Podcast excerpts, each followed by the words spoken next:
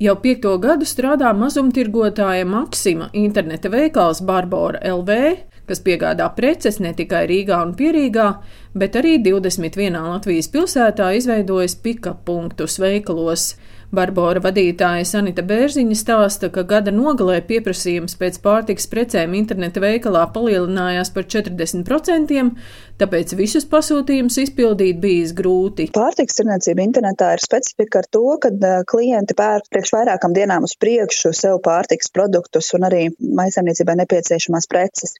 Un uh, uz svētkiem varam redzēt arī tendenci, ka pērk vairāk preces, kas ir svētku galdam, kā piemēram dārgais alkohols uh, vai uh, kaut kāda gaļas izstrādājuma. Ir mandarīnu pieprasījums pieaudzis un ka nepērk vienu kilogramu, bet pērk uzreiz divus vai trīs.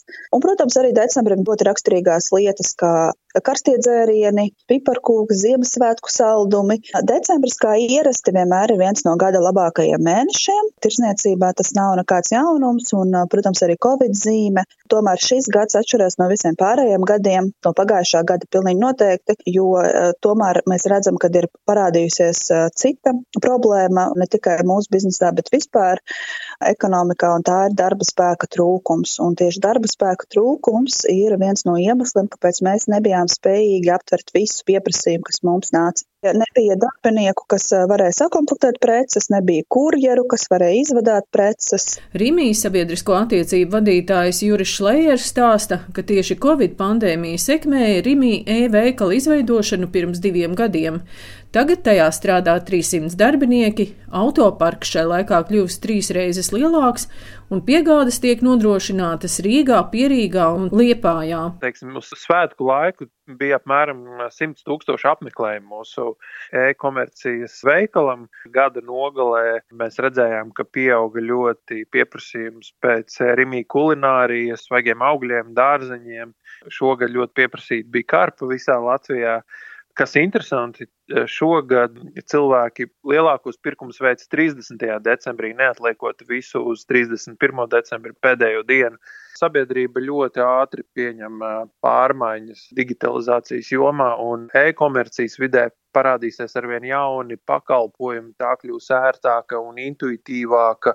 Nebūs vairāk daudz jāklikšķina vai kaut kur jāburās caur daudzām lapām. Tas ļoti ērti izdarāms no vieda telefona, un ar katru šīs aplikācijas uzlabojamību tā aplikācija it kā jau sarunājās ar tevi un pazīst tevi. Un tā vecuma grupa, kas lieto e-komerciju, paplašināsies. Lauksaimniecības tirgus veicināšanas centra vadītāja Inguna Gulbe vērtē, ka Covid pandēmijas dēļ e-veikalus veidoja gan uzņēmumi, gan veikali.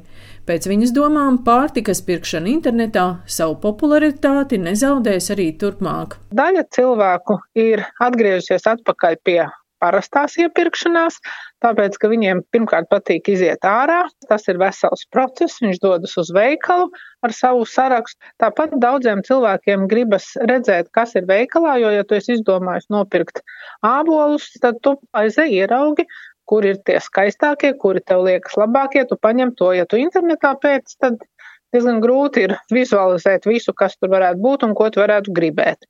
Tāpat arī droši vien tie, kas skatās, lai produkts ilgāk stāvētu leduskapī, nu, lai nebūtu pēdējās dienas termiņš tā internetā, vai tad nu kāds ļoti pēta, paņem no plaukta un ieliek tajā jūsu iepirkumu grozā. Internetā tie impulsu pirkumi varbūt nav tādi, kā ejot pa veikalu, jo tu ej, ieraugi kaut ko, o, šitas man iepatikās, es to ielieku grozā.